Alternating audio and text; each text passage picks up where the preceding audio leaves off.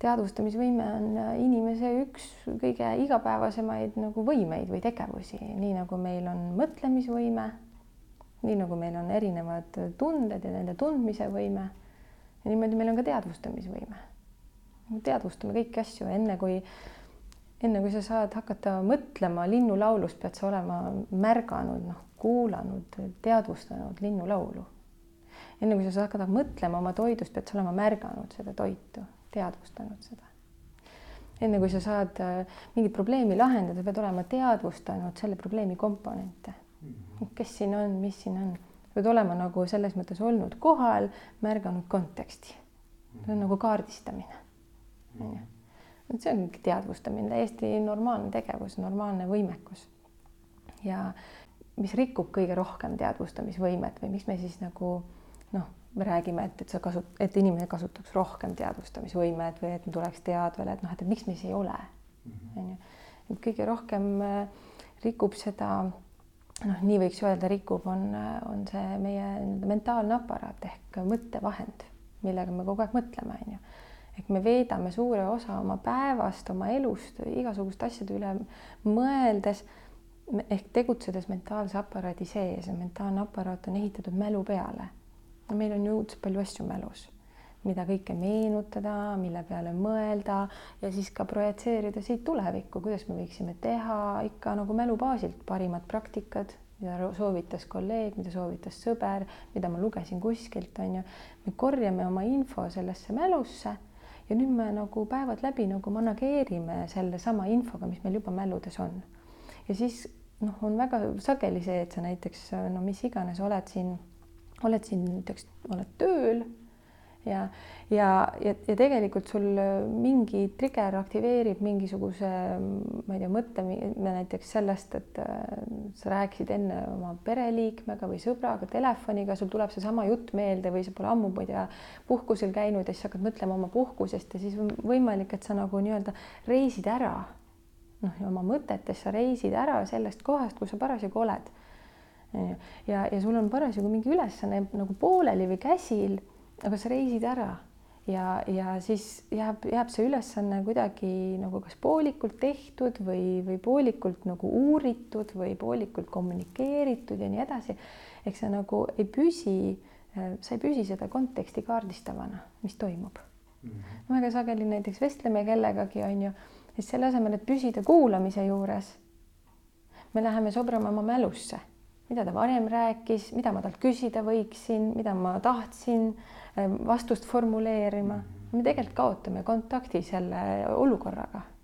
me, ehk me reisime ära ja, ja sama juhtub nagu nii-öelda sama mentaalse vahendi ettekujutluspoolega. me hakkame formuleerima mingeid, et kuidas asjad võivad minna ja mingeid strateegiaid ja mingeid versioone ja mingeid nagu plaane, mitte et neid ühtegi nagu tegema ei peaks, meenutusi ja ettekujutlusi on ju. aga see domineerib, see on üle üheksakümne protsendi igapäeva inimese nagu tegevusest ja me nagu peaaegu et ei tunnegi seda maailma ja seda elu ja neid asju, mille ümber noh, mis meie ümber on ja kus me oleme. ehk me ei ole teadlikud sellest nagu, mis toimub. me, me nagu reisime ära ja vot see mm see, see on nagu üks põhilisi asju, mis äh, nagu nii-öelda takistab inimesel märkamast seda äh, nii-öelda teadvustamast, et rohkem teadlikkuse kasutamine ongi see, et sa, sa oled rohkem nagu noh, märkad seda, mis parasjagu toimub. see, see ei tähenda nagu seda, et sa elad nii-öelda nagu liblikas, et elan tänases hetkes ja mind ei huvita, mis homme toimub, on ju, sest see, kui sa märkad, mis toimub, õpetab nagu inimest noh, nagu märkama ka selle, kuidas ma ütlen, kokku siduma nagu tegevusi ja nende tagajärgi.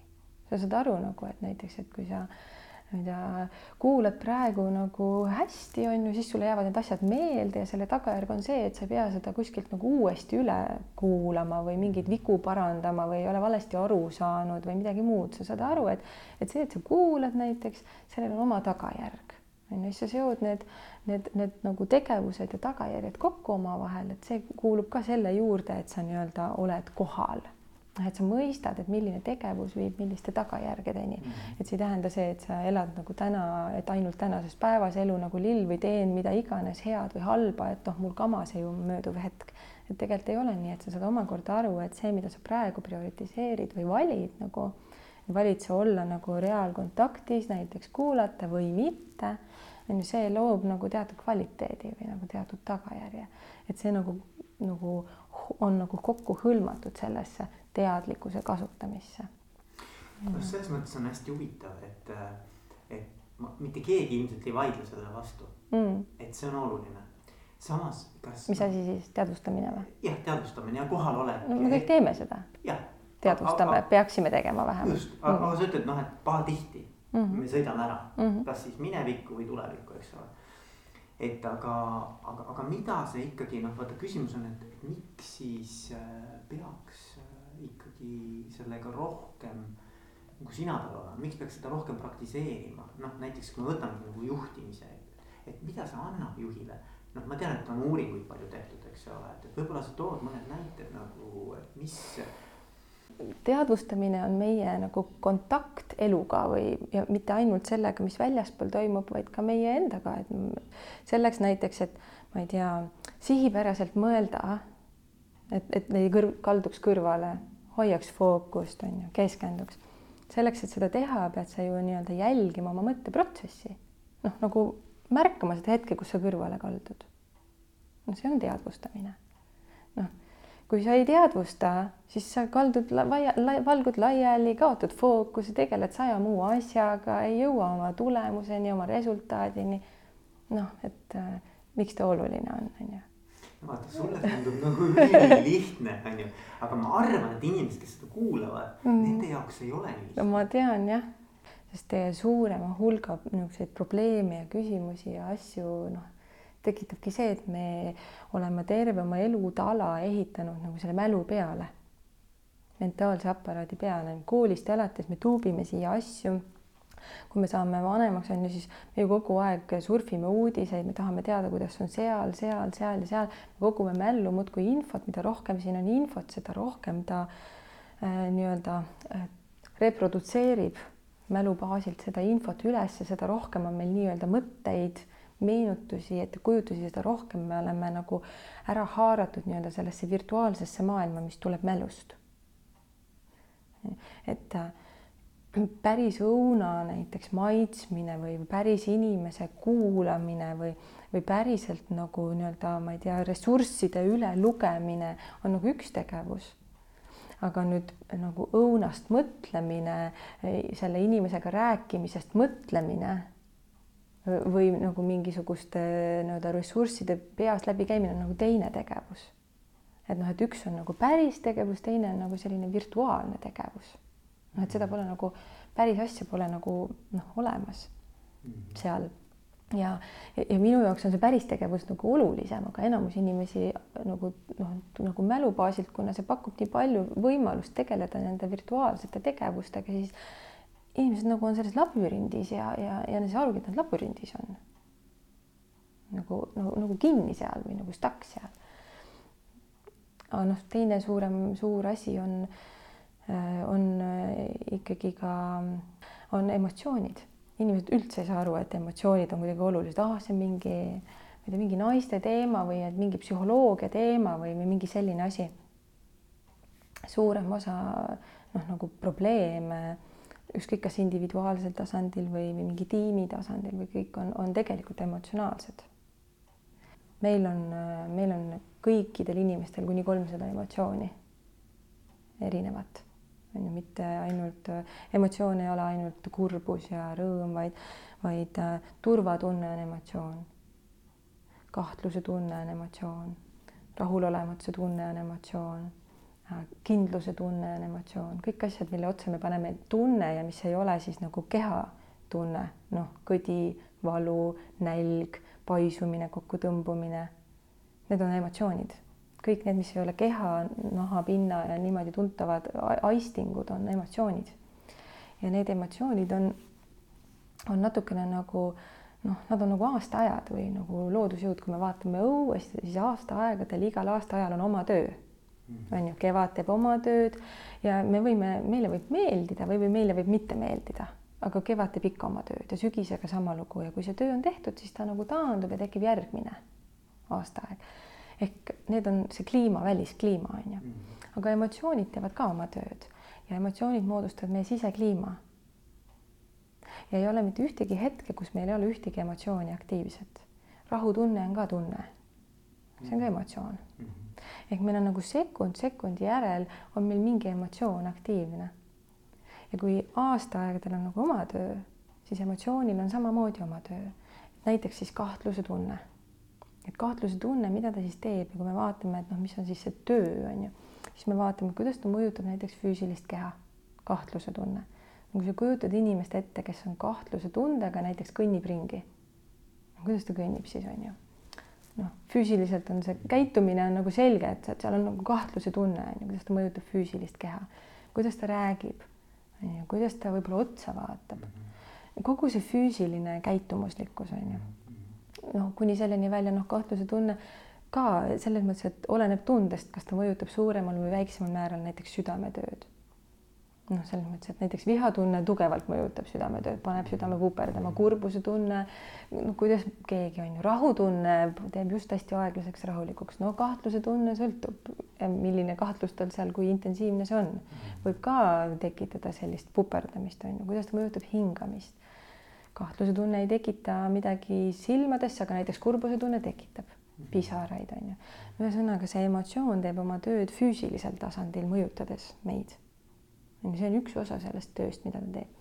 teine töö on see, et ta nii-öelda, kuidas öelda, emotsioonid on nagu teatud gruppides. sellel kahtluse tundel on nagu nii-öelda oma sõbrad, oma sama grupp ehk et mida üks inimene võib veel väga kergesti nagu tunda või mis on, võib olla temast provotseeritud, kui ta tunneb kahtluse tunnet. no näiteks ebakindlus võib tekkida ja ja, ja võib-olla isegi enesehaletsus, oh, mis nüüd mina, ma ei tea, ma ei saagi sellega hakkama, siit tulla, on ju. Eks see on kõik kahtluse tundetöö. provotseerida neid järgmiseid emotsioone ehk see on see töö emotsionaalsele tasandile. nüüd kahtluse tunne teeb tööd ka mentaalsel tasandile. ehk mis tüüpi mõtteid mõtleb üks inimene, kellel on kahtluse tunne, on ju, ta kahtleb, kas seda või teist, ükskõik mis teemal kas sellel teemal, et kas ma valin selle inimese tööle või selle inimese tööle või sellel teemal, et, et kas ma teen nüüd selle otsuse või selle otsuse või kas me ostame selle asja firmale või ostame selle asja või kas ma teen reklaami sotsiaalmeedias või ma teen seda muus kuskil meedias.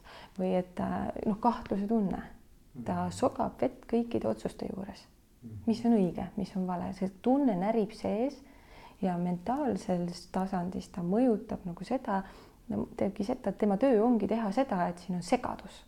Et, et nagu, et see kahtluse tunne nagu mõjutab meie noh, erinevaid funktsioneerimise tasandeid ja me võime nagu nii-öelda püüda seda olukorda justkui situatiivselt lahendada ja see on see, mida enamus inimesi püüab teha.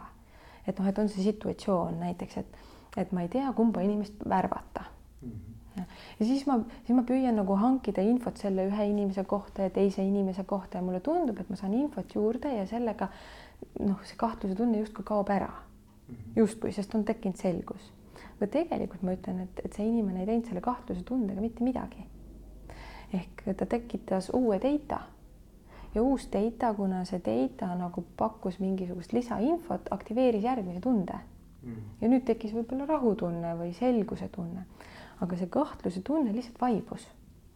see on umbes nii, et sa niidad muru ära, aga seemned on kõik sees ja see tähendab seda, et kui see ainult vaibus, siis ta on lihtsalt noh, ootab järgmist trigger'it, kuna see kahtluse tunne võiks uuesti aktiveeruda.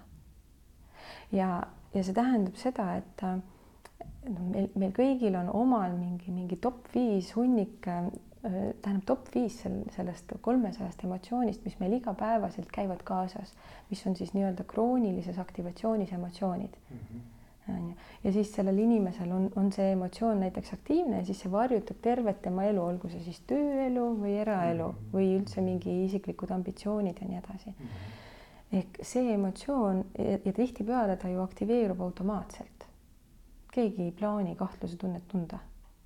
ei vali seda endale, ta lihtsalt on nagu fakti ees, et ta nagu see emotsioon juba on aktiveerunud iseenesest juba mõjutab tema elu. Ja nüüd on tal kuidagi vaja lihtsalt oodata, kuni uus emotsioon aktiveeruks.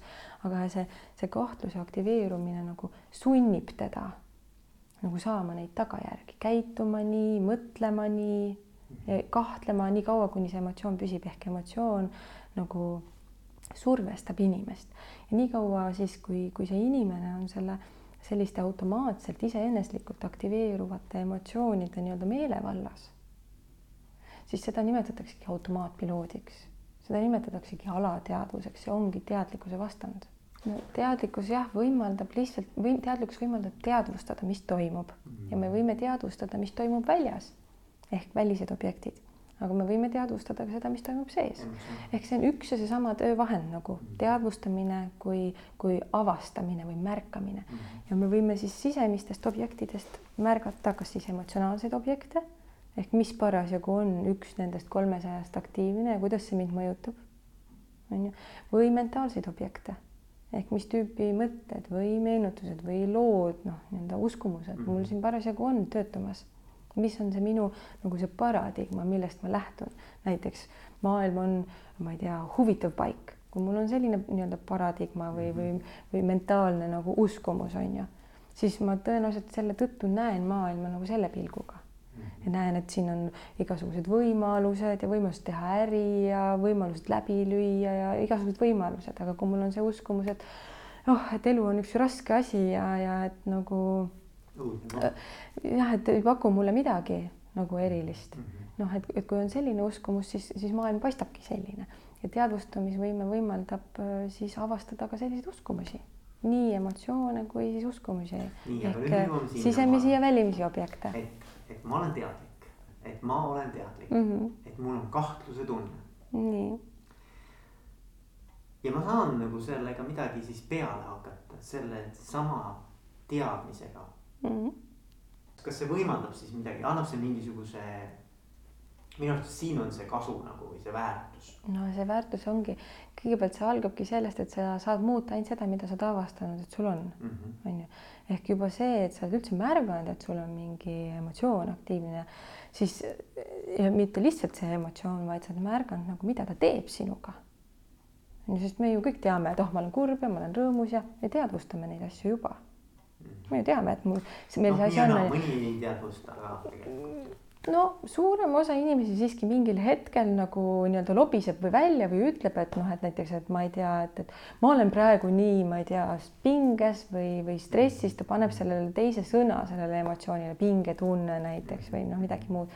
sellel hetkel, kui me ütleme välja ise või ütleme enda jaoks, et, et noh, ma ei tea, ma tunnen ennast nii, noh, mingi X-Y emotsioon sinna, eks ole, siis sellel hetkel sa juba oledki teadvustanud seda ainult et tihtipeale me nagu noh, kuidas ma ütlen, ei rõhuta seda nagu olulisust, et ah nüüd sa oled midagi märganud, mis on, sa peaksid selle juurde nüüd nagu püsima jääma, ehk esimene faas on jah, see, et sa märkad, et see on, ehk sa teadvustad, et see on. aga järgmine on nüüd see, et sa vaatad, et hakkad seda nagu selles mõttes uurima, et vaatad seda nagu noh, nagu füüsik. Mitte ei hakka filosoofiat selle üle tegema, vaid vaatad nagu füüsik, nii, mida see siis teeb minuga kuidas ta üleüldse aktiveerus, et kuidas ta sai siia, mina seda nagu ju ei, ei valinud seda emotsiooni, kuidas ta sai siia.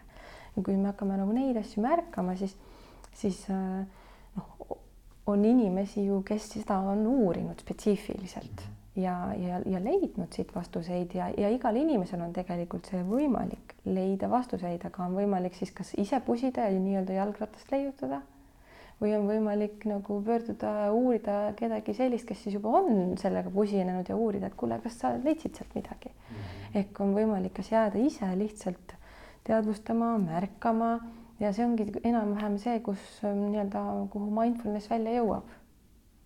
eks ta jõuabki sinna välja, et sa lihtsalt märkad neid asju, mis sinus on, ainult et mindfulnessi viga on see, et seda, mis on minu jaoks nagu nii-öelda alguspunkt ehk esimene samm, et sa märkasid, et see asi on see on mindfulnessi jaoks lõpp-punkt. ehk sa märkasid nüüd, et see asi on, aktsepteeri seda, ela sellega mm.. Mm -hmm. aga sina lähed nagu, et sina ütled, et sa pead minema. minu jaoks on see alguspunkt ehk sa oled avastanud midagi, aga mil-, noh, sa oled seda avastanud, milleks sa oled selle avastanud? saad ju nüüd seda äkki kuidagi mõjutada. Mhm. on ju, ja siis loomulikult see teekond käibki niimoodi, et, et sa noh, tunned ise huvi, kuidas sa saad seda mõjutada ja siis ja, ja nii-öelda katsetad selles mõttes, et katsetad ise ja, ja ja küsid kellegi käest seda, kes, kes on veel katsetanud, saad mingi lisateadmise, katsetad uuesti. lõppeesmärgiks on see, et, et, et need emotsioonid, mis iseeneseslikult aktiveeruvad niimoodi iga päev suvalisel hetkel, päike tuleb välja, aktiveerub emotsioon. vihma hakkab sadama, aktiveerub emotsioon. keegi karjub su peale, aktiveerub emotsioon, onju. keegi räägib sulle hästi ilusat juttu, aktiveerub emotsioon, onju näed mingit probleemi seal töö juures, kaklevad kaks tükki omavahel, onju. Endal aktiveerub emotsioon. et igal hetkel nad niimoodi aktiveeruvad ja, ja siis see järgmine faas ongi see, et, et vaadata, et äh, kuidas nüüd see selline iseeneslikult aktiveeruvate emotsioonide maailm, et need on refleksid. Noh, psüühilised refleksid mm, -hmm. mida on nagu nii-öelda tingitud refleksid, natuke analoogsed nagu Pavlovi eksperimentidest tema koeraga. et kui need refleksid on tekkinud, kas neid saab lahti ühendada? nii nagu refleks on kokku ühendunud, kas refleksi saab lahti ühendada? et refleksi puhul on alati oluline, et on olemas data, mis aktiveerib asja ja siis see asi, mis aktiveerub, et see ongi see refleksi olemus. Ja siis me liigume selleni, et, et me hakkame nii-öelda vähendama selliste reflekside, mis juhivad meie elu, nende osakaalu. Vihatunnet, klassik, tavaline tunne kõikidel inimestel tegelikult on ju, seda võib trigerdada mis iganes asi trigger'i mõttes, see, kuidas keegi ohkab või see, kuidas ta astub või, või, või see, mida sa pealt näed või see kuskil komaviga tehtud või mm -hmm. igast triggereid võib olla lõputu hulk, sa ei suuda neid tegelikult kontrollida, see oleks nagu täielik ressursi raiskamine okay., püüda neid kontrollima hakata. aga probleem on selles, et, et on vihatunne, see on üks emotsioon mis äh, nagu erinevate trigerite tõttu kogu aeg see üks ja seesama emotsioon saab trigerdatud mm -hmm. ehk refleks, üks ja sama refleks kogu aeg aktiveerib, et teita ja, ja viha, teita ja viha, teita ja viha. et keskendumine ei ole mitte trigeritele, vaid sellele, et aa, vihatunne on siin ja see on see probleem. ehk see sai aktiveeritud mm, -hmm. see emotsioon. ja kui me oskame nii-öelda noh, märgata, see juba tähendabki siis noh, siin on, need on erinevad tehnikad kuidas me siis äh, teadvustame üleüldse, kuidas see refleks tekib, siis teda saab ka lahti ühendada. Noh, kui seda emotsioonide teemat nagu, see on hästi suur teema, sest emotsioonid on üks meie kõige, üks meie inimeseks olemise nii-öelda suur tükk. see on su sama suur teadus mingil määral nagu kehateadus. noh, kehas on ju olemas terve, ma ei tea, meditsiin on ju, noh, emotsioonides on umbes sama suur hulk teadmist või teadust on ju. Et seda noh, nagu see, see on igastahes lai valdkond, aga aga, aga selles mõttes äh, äh, probleem ei ole nendes nii-öelda heades või halbades emotsioonides, vaid probleem on automaatikas, et need emotsioonid on automaatselt aktiveeritud nagu refleksid. see on inimese juures kõige suurem noh, meie igapäevast elu nagu häiriv probleem. su vihatunne ei sega sind absoluutselt kui see ei aktiveeru suvalises kohas so. soovimatult. siis oled sina võimeline kontrollima seda. Sa oled võimeline, sa kasutad emotsioone sellisel juhul nagu, kuidas ma ütlen, nagu koostöö. Mm.. kui sul on vaja, siis sa kasutad seda. Mm.. aga ta ei suru nii-öelda ennast noh peale. Mm.. ei ole nagu kunagi seda olukorda, et see tuli ja ma ei noh, ma ei tea, mida ma teen, on ju. Küsimus ei ole üldse allasurumises või acting out imises või noh, need ei ole nagu üldse need küsimused, vaid et, et just see, et meid ei, meid ei segaks tegelikult mitte ükski meie emotsioon, ei kurbus, ei viha, ei rahulolematus, ei, ma ei tea, hoolimatus, mitte midagi, mitte miski nendest emotsioonidest meid ei segaks, kui nad iseeneslikult ei aktiveeruks suvalisel hetkel ja ei mõjutaks nagu sinu nii käitumist, mõtlemist, kõike aga kui nüüd tulla ikkagi nii-öelda ikkagi sellesse tiim ja juhtimine ja juhid ja mm -hmm. selles kontekstis. No kas seal on emotsioone? muidugi, igal pool, kus on inimesed, on emotsioonid. just. jah, et kuidas mina juhina tahan nüüd teada, Helena, kuidas see mind aitab? no kuidas sind aitaks, kui sa ei vihasta enam mm. -hmm. või sinu, sinu see inimene, kellega sa kogu aeg koos töötad, vot selles olukorras ei solvu näiteks, kogu aeg solvub mingi asja peale või pettub, lööb jalaga ukse kinni, jälle sa oled mind alavääristanud, jälle sa ei mõista mind, on ju. No kui selline käitumine ära jääb, no kuidas see muudab mm? -hmm. et tegelikult see nagu puhastab sellisest. teeb normaalseks asjad ju on ju mm -hmm. no,. sa saad normaalselt teha neid asju, mida, seepärast ma ütlen, et, et need äh, noh, intrapersonaalsed oskused ehk enesekohased oskused, mis põhinevad teadvustamisvõimel, sest see on meie võimekus avastada asju ja, ja avastuse põhjal muuta asju. Need oskused nii-öelda annavad professionaalsetele võimetele rohelise tule.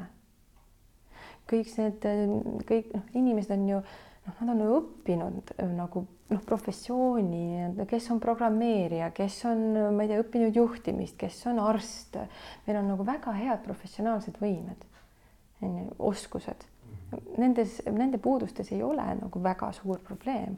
probleem on ju noh, see on nagu öeldakse, et ega siis noh, nii-öelda inimesed, noh, kuidas öeldakse selle kohta, et, et, et asjad ei ole keerulised, inimesed on keerulised või et, et seepärast öeldaksegi ka, et, et, et noh, et, et ära palka nagu nii väga selle kompetentsi pärast, et seda saab ikka treenida, aga et see iseloom või see inimene, et noh, et see on nagu täiesti noh, kui sa karahuul, kui sa vale inimese palkad.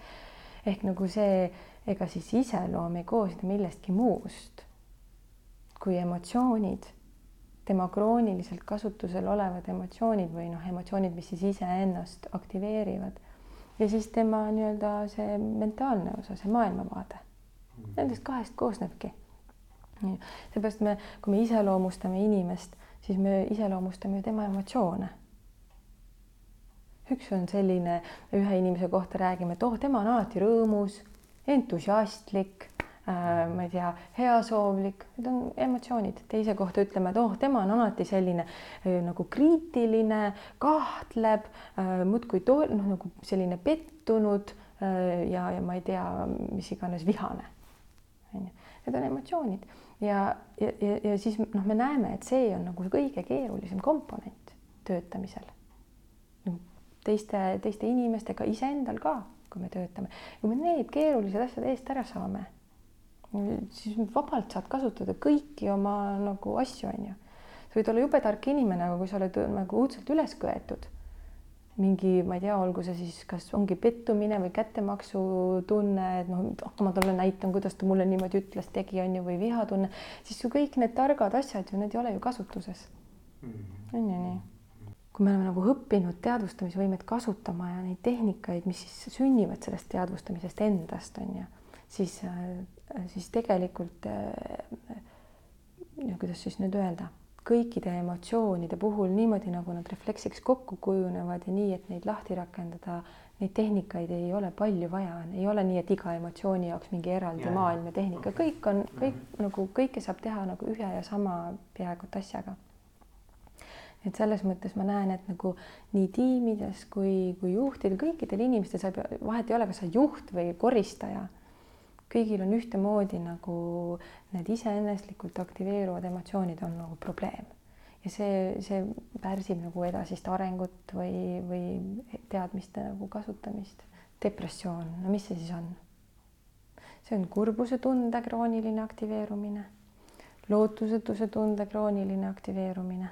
Need on lihtsalt asendanud, need on nii, need on nii sageli aktivatsioonis, et teisi emotsioone lihtsalt ei ole päevakorral mm. -hmm. lihtsalt kahekümne neljast tunnist terve arv protsente on lihtsalt need kogu aeg, apaatsuse tunde aktiveerumine. ehk väga suur hulk nagu probleeme on, on hariduse puudus, kuidas selliseid iseeneslikult aktiveeruvaid protsesse, olgu need siis kas emotsioonid või mõtted, juhtida on ju. ja see, mida mina teen, on ainult see, et ma, ma ainult annan, räägin, täidan selle osa haridusest, mis puudu on. ma ei aitagi neid, inimesed ei ole nagu, nagu abitud või võimetud või noh, mingil määral on tekkinud see õpitud abitus nagu see ohvriks olemise tunne, et ma ei tea, mida teha, ma ei saa neid mõtteid peatada, et magama jääda, ma ei saa, ma ei saa vastu, ma ei saa midagi teha, ma lihtsalt vihastan. on ju, see tegelikult on väga vale, see nagu pilt inimesest, mis meil iseendal on inimestena või mida me nagu inimestele inimestena nagu narratiivina kirjeldame endale, räägime, et et noh, et emotsioonid, et need on midagi nagu sellist, noh, mida sa ei saa nagu noh, nii-öelda vältida, et see on nagu selline inevitable, et nad iseenesest aktiveeruvad, see on nagu vananemine, lihtsalt lepi sellega. tegelikult see on nagu nii-öelda nii kaugel tõest, kui üldse olla võib. aga see on nagu see lugu, mida me endale räägime ja kuna me peame seda nagu kuidagi, see on juba pikemat aega niimoodi olnud, see on nagu ühiskonnas igal pool nii, siis me oleme võtnud lihtsalt selle, mis on väga levinud kui norm. mitte, et see oleks kuidagi tegelikult normaalne. ja, ja, ja nagu niimoodi, nagu me juhime oma füüsilist keha, et see on ju täiesti normaalne, et kui sa tahad, et su keha läheb paremale, siis ta läheb paremale, mitte vasakule. ja, ja su keha ei tõmble niimoodi, mm. on ju, et see, see oleks nagu ebanormaalne ehk see, su keha nii-öelda kuuletub või nii-öelda allub sinu juhtimisele. ja me peame seda normaalseks. ja sellisel puhul me ei räägi sellest, et sa oled kuidagi türann oma keha suhtes, et sa kontrollid oma keha. Mm.. ei ole ju nii, see on, see on normaalne, et su keha nii-öelda teeb koostööd sinuga, et noh, et, et sa nagu juhid oma keha, ta läheb sinna, kuhu, kuhu sa soovid, et ta läheb või on sellises asendis, nagu sa soovid, et ta on, on ju. Täpselt samamoodi me tegelikult saame juhtida oma emotsionaalseid asju ja oma kogu oma mõtteaparaati mm. -hmm. ja mõtteaparaadi juures just ka no, nimelt seda, mitte ainult, mis tüüpi mõtted meil on, vaid seda, kas me üldse mõtleme või ei mõtle. kas meil on seespool vaikus. kui me läheme, tahame vaikust ja lähme kuhugi mere äärde või metsa ja meil tuleb see lärm kaasa, siis noh, noh, tegelikult, mis kasu sellest on, mhm. on ju või et me läheme metsa ja oleme mõtetega tegelikult töö juures, ehk see on seesama, et sa oled nagu ära sõitnud sellest reaalhetkest on ju. et nagu oskus ka seda mentaalset osa juhtida, eks see on haridus ainult. et täpselt nii enesestmõistetav haridus nagu see, et me peame enesestmõistetavaks oma füüsilise keha juhtimist ja kõike, mis sellega toimub.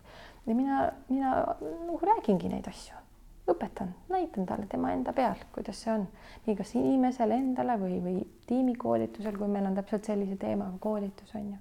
nii et ma teen nagu seda osa, ma ainult haridust nagu nii-öelda täiendan, eks ole. ja loomulikult, kui, kui inimesed kasutavad seda, noh, siis muutused toimuvad ehk nagu see muutus seisnebki selles, et et, et ta tuleb, ütleb, et tead, et no mis iganes tal probleem on ja ma ei pettu enam.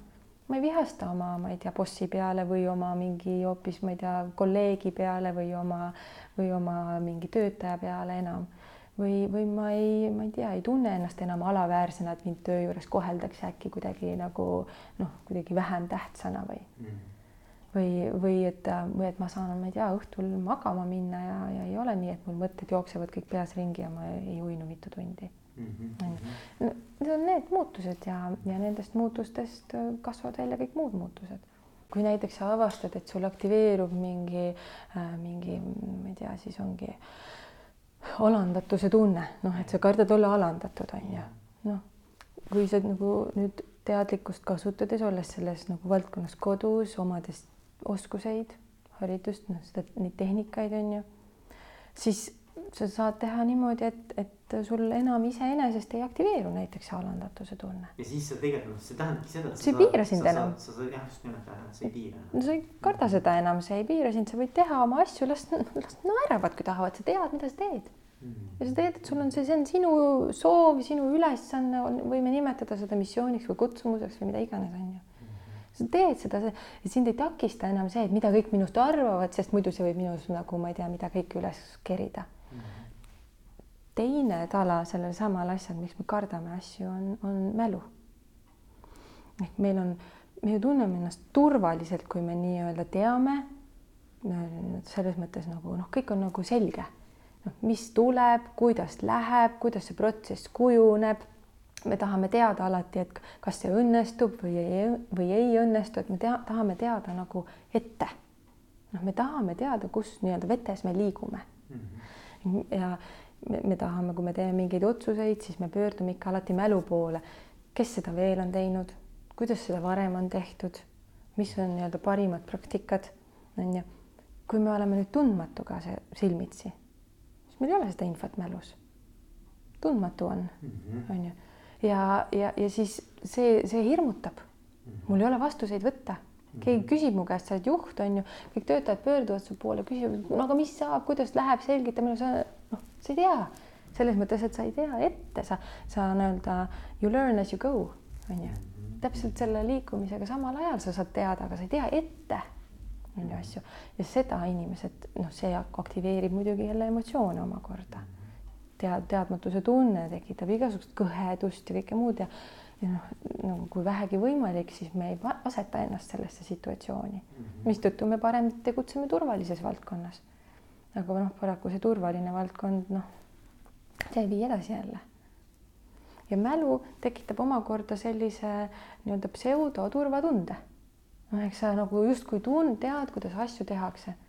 aga asjad reaalelus on ju vahepeal muutunud ja sa ei saa nagu seda ühte piparkoogi vormi nagu, et noh, et see, mida ma tegin kümme aastat tagasi, et nüüd ma teen sama asja. no sest sul on mälus see info, sa võid ju rängalt eksida. Ja, ja innovatsioon peitub, jääb nagu hästi palju alati mälu taha kinni. et see, ütleme see uuendusmeelsus, see kõlab hästi sinu jutust ka läbi, et sihuke mm. nagu innovatsioon, et, et kas see on nagu üks väga selge ka selline nagu. see käib käsikäes teadlikkusega, see käib mm. käsikäes teadlikkusega, ei ole olemas loomingulist mõtlemist on olemas kas loomingulisus või mõtlemine. on kaks erinevat asja. mõtlemine on, on mentaalsuse mälu kasutus. Mälus on meil ainult need asjad, mis me ise oleme mällu salvestanud. seal ei ole mitte midagi muud. ehk seal on kõik vanad asjad. on ju ja kui sa meenutad või, või justkui mälu põhjal püüad midagi kokku panna, siis sa ikkagi manageerid vanade asjadega. no sealt ei tule mitte midagi uut sa võid proovida noh, küll natukene kombineerida midagi, mis on varem tehtud ja natuke teistmoodi, aga fundamentaalselt ei tule sealt mitte midagi uut. Ja iga kord, kui sul on nagu küsimus, kuidas mingi asi lahendada, on ju, ja, ja nüüd on küsimus, kumma poole sa pöördud, kas sa jääd nagu nii-öelda nüüd kasutama teadlikkust ehk sa jääd nagu mäppima seda, seda olukorda, kus sa oled, kus, kus see küsimus või probleem sul on, on ju, ja see tähendab seda, et sa nüüd ei pöördu mälu poole. Ehk sa ei, mälu pakub meile ju kohe alati esimese vastuse, ah tee nii või tee naa või et oo nemad tegid nii, on ju. Ja, ja nii kui sa selle esimese vastuse vastu võtad, siis sa nagu, kuidas ma ütlen, jäädki nagu selle mälupõhise vastuse peale, selle mälust tulnud vastuse peale, sa ei uuri edasi. nii et igasugune innovatsioon ja loomingulisus tähendab seda, et et, et me jätame nagu selle noh, nii-öelda natukene nagu withhold ime nagu hoiame nagu tagasi nagu tahtlikult mälust tulevaid nagu valmis vastuseid. Ja mingil määral nagu meelega asetame või nagu kuidas me ütleme, tolereerime või me peab muutuma nagu normaalseks olla tundmatu keskel. sest kui sa lähed tuntava keskele, selle keskele, mida sa juba tead, tahad nagu siin leida turvalisust, jaa, seda ma tean, seda ma tean, siis sa jälle nagu noh, ei ei leia midagi uut, siis sa oled siin mälu keskel, on ju. sa pead nagu jätma mälu kõrvale, on ju, mis tähendab seda, et sa oled nagu valge leht tundmatul maal, kuhugi nagu, nagu vanade turvaliste teadmiste peale toetuda nagu pole on ju. ja vot nüüd sa oled selle uues, uues olukorras, hoiad omal õhus nagu küsimärki kogu aeg, kuidas ma selle asja lahendan ja muudkui uurid ja vaatad ja nii edasi. on ju, ja siis sa leiad mingi uue lahenduse, innovatsiooni on ju. nii et see mälu, mis meil on ja kogu nagu mõtlemisvõime ja analüüs ja kõik see muu, sellel on loomulikult omad väga suured plussid. Aga meie ühiskonna nagu pigem nagu noh, miinus on see, et me oleme jäänud nagu liiga staks selle juurde mm. -hmm. ja see, et me nagu igas asjas pöördume mälu poole ja, ja kui mitte oma mälu poole, siis nii-öelda interneti poole, mis on kollektiivne mälu. Mhm. inimesed on sinna pannud kirja kõik asjad, mida nad teavad aegade algu-, noh, mis aegade algus, peaaegu on ju, raamatud on sinna juba kirja pandud, mis on no ma ei tea, tuhat viissada kirjutatud, võib-olla on ju noh, tagantjärgi on ju sinna pandud ülesse. et noh, et sellel, et sellel mälul ja kõigel on nagu väga head plussid jah, aga selle miinuseks on see, et see tapab ära igasuguse nagu innovatiivsuse, kreatiivsuse ja nii edasi. sest alati, kui sa kasutad vanu teadaolevaid asju, ei, ei, ei märka sa uusi võimalusi, uusi asju. kõik need taipamised tulevadki läbi teadlikkuse läbi teadvustamistasandi. et äh, sisuliselt meil on nagu kaks nii-öelda infotöötlusvõimalust, kaks operatsioonisüsteemi on inimeses. mentaalne aparaat, mis on ehitatud mälu peale ja see töötleb kogu infot, mis on salvestunud mällu. igal viisil seda kombineerides, rekombineerides ja nii edasi. selle miinuseks on see, et ta noh, töötleb kogu aeg vanu asju.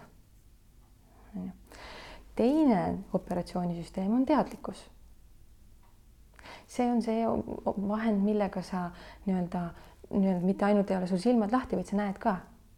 Mitte ainult ei, ei kuule, vaid kuulad, noh, mitte ainult ei kuula, vaid kuuled ka päriselt. ehk sa nagu märkad ümbrust, sa märkad näiteks nagu noh, nii-öelda ärivõimalusi, kus on mingi turg täitsa katmata, kus on mingi asi tegemata, nagu avastad asju, noh, oled nagu tõesti nii-öelda kohal ja märkad. ja, ja kui, kui mentaalse aparaadi see esimene operatsioonisüsteem, töövahenditeks ongi mälu, meenutamine, ettekujutlemine ja analüüs, siis teadlikkuse või teadvustamisvõime kui sellise töövahenditeks on eristamine, ehk sa nagu võrdled asju, eristad asju, teed vahet nende erinevuses. aga ei mõtle, mõtlemine on mentaalse asi. teadlikkuse kasutamisel on peas vaikus. see on üks tunnuseid sellest, et sa kasutad teadlikkust. ja eristamine toimub läbi vaikuse ja me teeme seda, kõik inimesed teevad seda, aga nii-nii vähe me kasutame teadlikkust lihtsalt sa valgusfoori taga seisad ja, ja märkad, kuidas rohe, punane tuli läheb korraks kollaseks ja siis roheliseks, sa ei mõtle selle peale, aa nüüd tuli punane, aa nüüd tuli kollane, nüüd tuli roheline, nüüd ma sõidan, sa lihtsalt eristad. sa lihtsalt paned tähele, et see, mis oli enne ja see, mis on nüüd, on teistsugune ja sul on seal see tähendusväli juba taga, sa ei pea mõtlema enam. sa lihtsalt märkad erisusi ja sa ja, ja siis nagu nii-öelda käitud vastavalt, mitte et sa peaksid jahvatama seda oma peas nii et teadvustamistasandi töövahenditeks on eristamine üks nendest ja teine on taipamine. ehk taiplikkus on võimekus nii-öelda võtta vastu sellist ähm, noh, nagu subtelinfot või nagu sellist infot, mis tuleb läbi vaikuse, kus sa ühel hetkel nagu taipad, noh, need on need ahaa-hetked on ju, kus sa taipad, et ah, see asi on nii, ehk sa viid nagu kokku kaks justkui täitsa sobimatut asja nagu justkui taipad nende ühel hetkel nende nagu ühenduslülisid, mis ei ole nagu nii-öelda kohe nagu nii-öelda into the face nähtavad olnud. aga et sa nüüd ühtäkki taipad nende nagu sobivust, et kuidas need asjad nagu üks asi viib lõpuks üle teiseks. nii et teadvustamisega koos lihtsalt me hakkame kasutama hoopis teist nii-öelda operatsioonisüsteemi. Mentaalne on, võiks võrrelda kiviaegsega see on see, kus sa lihtsalt asetad sõnu nagu ronge üksteise otsa ja muudkui võtad neid mälupotist. ja, ja siin on see, et, et noh, mentaalne on nii, et sa oled liivarannas ja sul on oma ämber kaasas ja seal sees on liiv. see on minu ämber, minu mälu, minu teadmised, see on minu liiv siin minu ämbris ja siis sa püüad nagu sealt, noh, kuna sul on ämber on ju, ja sa pead vahepeal selle liiva osa välja kallama selleks, et uut liiva võtta ja siis sa püüad nagu justkui panna sinna ämbrisse nagu kõike seda liiva, aga see ei mahu ja noh, sa oled nagu piiratud selles oma mälus, aga noh, vähemalt on minu oma mm.. on ju, minu teadmised, minu, kuidas mina tean, et asjad käivad, on ju. teadlikkuse tasand on see, et sul ei ole oma ämbrit, aga sul on terve rand. aga oma omat ei ole teadlikkus tähendab seda, et terve maailm on nagu sulle justkui olemas, aga sa nagu ei, sa nagu ei püüa seda oma mällu salvestada. Kõike, sa ei, sa ei rajane nagu sellele, et nii kui tuleb mingi küsimus või probleem, et nii, kuidas see on tehtud, sa ei lähe niimoodi nagu tagasi mälu poole, et mis mul siin ämbris on, vaid sa nagu tuled hoopis välja, vaatad nii, aga mis siin siis nüüd on? on ju, et mingil määral elad nagu valge leht, selles mõttes valge leht, et sa nagu valge leht kui kõik potentsiaal nagu on võimalik. aga valgel lehel ei saa nagu olla eelnevalt mingeid joonistusi peal, sest noh, muidu see ei ole valge leht, siis ei ole enam kõik potentsiaalid võimalikud.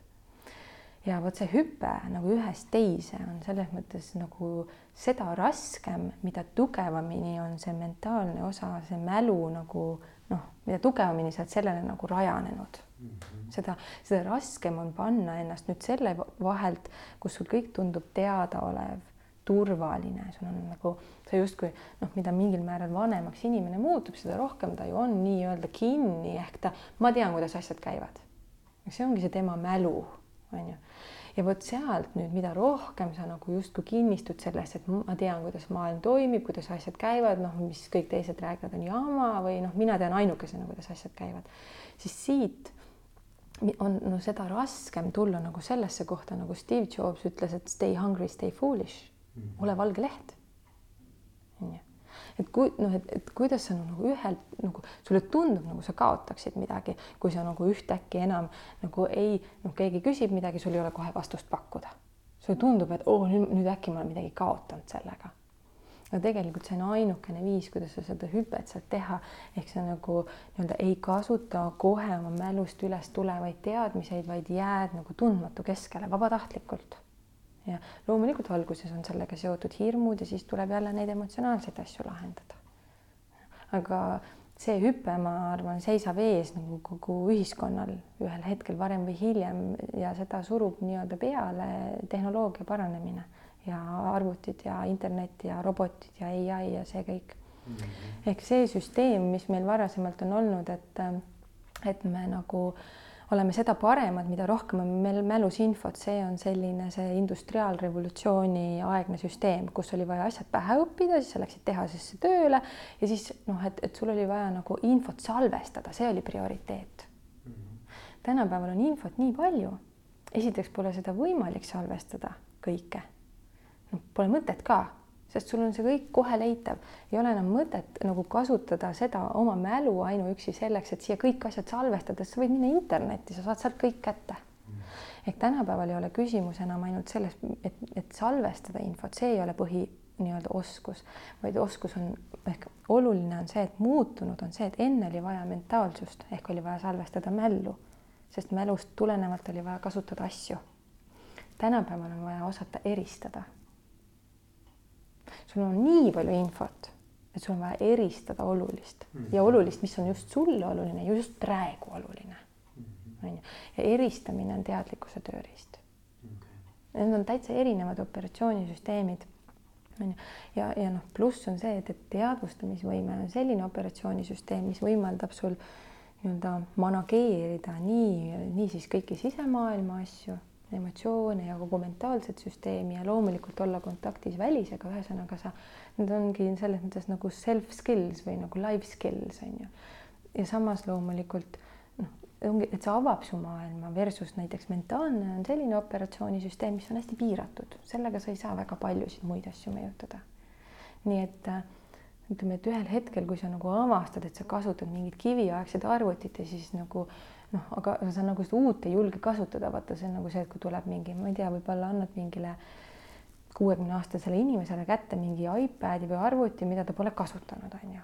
ja siis tal on mingi vana asi, ma ei tea, mingi kalkulaator, käsitsi paberiga arvutamine, see on see, mida ta on kasutanud. siis tal on ka kerge nagu resistance nagu selle uue arvuti, iPad'i suhtes, ta ei tea, kuidas seda kasutada, see on tundmatu maailm. mingi uus programm, mingid uued asjad pean selgeks õppima, ma parem kasutan seda vana mis siis, et see on aeglasem. ma vähemalt saan nagu kuidagi on ju sellega. aga probleem ongi selles, et me kasutame kõik seda mentaalsust, see on vana, see on aeglane, aga me nagu resistime, me õudselt oma arust oleme innovatiivsed, aga me resistime uut tehnoloogiat. ehk teadvustamist, teadlikkust, mis on nagu palju kiirem. taipamine käib ju nii, mõtlemine käib nii, tundide viisi koosolekul arutad seal kuidas on töötada inimestega, kes muudkui mõtlevad igasuguseid asju, siis te arutate igast asju versus nende inimestega, kes taipavad igasuguseid asju.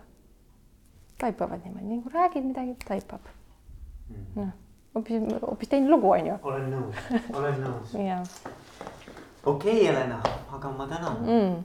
aitäh sulle.